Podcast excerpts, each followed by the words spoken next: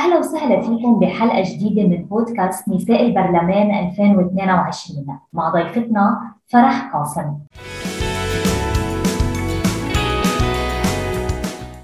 كيف بتحبي تعرفي عن نفسك للناخبين والناخبات؟ أول شيء اسمي فرح قاسم أنا من مشغرة الغربي آه، مرشحة بهيدي الدايرة بس عن كل لبنان بمشروع كتير واضح بعيدا عن السياسة أنا بقطاع الرياضة طور آه، مناهج الإدارة الرياضية وبشتغل مع اللاعبين آه، المتمرسين على أرض الملعب أنت مرشحة عن دائرة البقاع الغربي رشية من ضمن لائحة قادرين ما هي القضايا اللي عم تطرحيها بمشروعك الانتخابي؟ المشروع تبعنا هو مشروع واحد بكل الأراضي اللبنانية ب 15 دايرة نحن نزلنا وهذا اللي يميز هذا الطرح وهذا المشروع يلي هو مشروع حكم كثير واضح.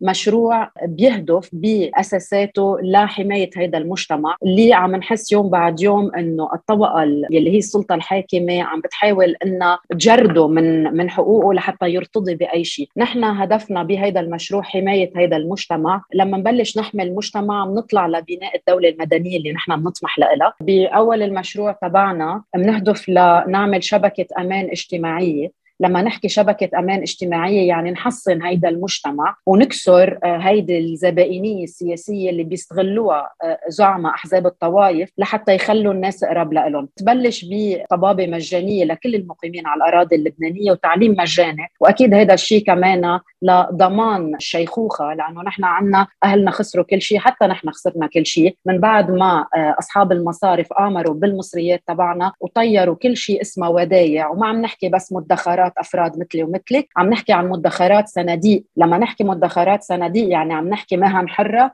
يعني عم نحكي صناديق مثل المهندسين مثل المحاميين مثل الأطباء المعلمين. هيدي كلها طارت المدخرات فنحن اليوم لحتى نحصن هيدا المجتمع وكمان ما ننسى صندوق الضمان الاجتماعي.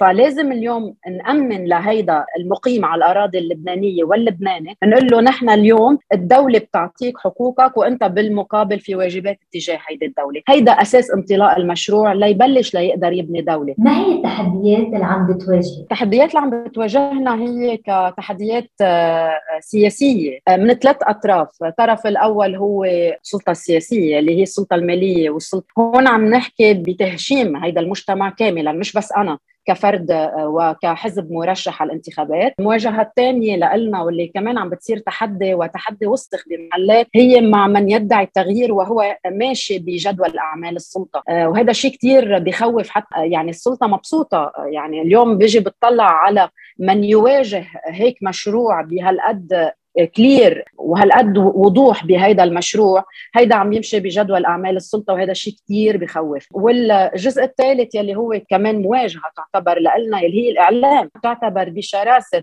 المواجهة تبع السلطة يلي عم بيجرب يقمع ويغيبنا عن كل المنصات تبعه. وإذا جرب إنه يطلعنا هو بس لحفاظا بمحل من المحلات على تلميع السلطة والسلطة المالية أكثر من ما هي السلطة السياسية، يعني اليوم أنا ما بقدر أطلع أحكي لا على ال MTV ولا على LBC عن أصحاب المصارف اللي قامروا بمصرياتنا، ممنوع أي شخص أو أي فرد حامل لمشروع هالقد واضح بحمل الخسائر بالشكل المباشر لا أصحاب المصارف اللي قامروا بمدخراتنا. ممنوع نحكي على ال TV ممنوع نطلع نعطي رأينا. وإذا بدنا نطلع نحكي كم الأموال يلي عم بيكون مطلوب آه، إن كان منا أو من أطراف ما معها مصاري وغير ممولة من منصات يلي هي منصات ضغط. هذا ما بقى له محل يحكي هن مثلهم مثل السلطة وهن أدوات للسلطة. يعني القمع اللي عم بتمارسه اليوم بحقنا وسائل الاعلام مخيف مقرف.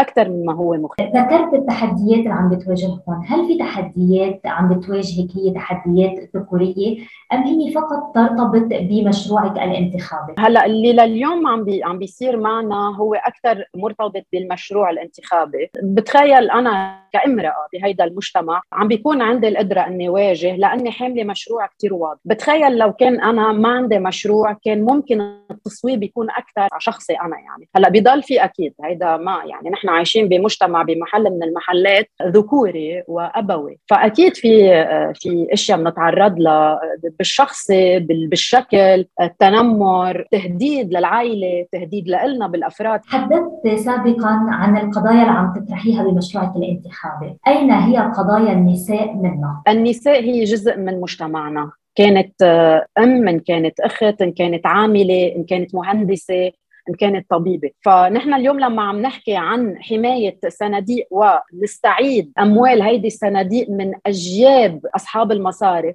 أنا بكون عم برد للمرأة حقها. إن كانت مهندسة إن كانت طبيبة إن كانت معلمة إن كانت ست بيت إن كان حيلا شيء أنا اليوم بمشروعي بحمي كل المجتمع والمرأة هي الجزء الأكبر منها خاصه بعد هذا اللي عم بيصير من تهميش لدور الشباب وتهجيرهم للخارج. اللي عم بيبقى عنا اليوم بلبنان هن كبار العمر وأمهاتنا جزء من من هيدا الفئة اللي عم تبقى بلبنان. أو آه، يلي مش قادر بقى يسافر إلى آخره. أو أو بيبقى رجل مضطر يفل يهاجر لبرا. حتى مرته واولاده يبقوا هون وبيبعث لهم مصاري. هيدي جزء من مجتمع أنا بدي حافظ عليه كله سوا. فأنا بمجرد إني عم طالب عم بعمل مشروع حكم واضح لحفظ حقوق هيدا المواطن المرأة جزء من هيدا المجتمع. مبلشين على صعيد كتير واسع. المرأة بمحل من المحلات بلبنان قادرة تاخذ حقوقها. بمحلات كتير آه، تانية مهمشة وتضعفه وغيرها. اليوم أنا لما حسن المجتمع وأعطيه حقه الكامل وابني دولة مدنية المراه رح تاخذ حقوقها من دون حتى ما تجرب to fight for it بس تحدثنا عن التحديات اللي عم بتواجهيها. حكيتي عن بعض التحديات الذكورية. شاركينا حادثة أو موقف ذكوري تعرضت له خلال عملك السياسي؟ ال social media أكثر شيء تنمر على ال social media على الشكل على اللبس بمرة من المرات يلي هي تهديد بكلمات بشعة كثير يعني. يعني ما بتشبه شيء إلا داعش. من حسابات وهمية أو ذباب إلكتروني باكثر الأوقات. وهلأ لفقرة من عشرة. من عشرة قد إيه برأيك المجال السياسي ذكوري وشائك بالنسبة للنساء؟ آه من عشرة ثمانية من عشرة قد إيه عندك أمل بالوصول إلى البرلمان؟ صفر من عشرة قد إيه حتلتزمي بقضايا النساء داخل البرلمان؟ عشرين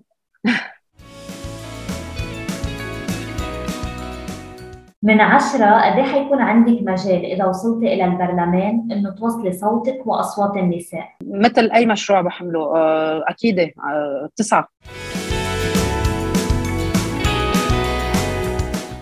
أخيرا انتخبوني لأن؟ عنا حاملة مشروع حكم واضح مشروع بيسحب الشرعية تبع هيدي السلطة الزائفة سلطة زعم الطوائف وبيرسل لبناء دولة مدنية قادرة تحافظ على هيدي اللي سوا حتى ما يتبدد. لهون بنوصل لختام حلقتنا من بودكاست نساء البرلمان 2022 شكرا لك فرح قاسم ولمشاركتك معنا على أمل إنه تقدري توصلي وتحققي مشروعك بالبرلمان.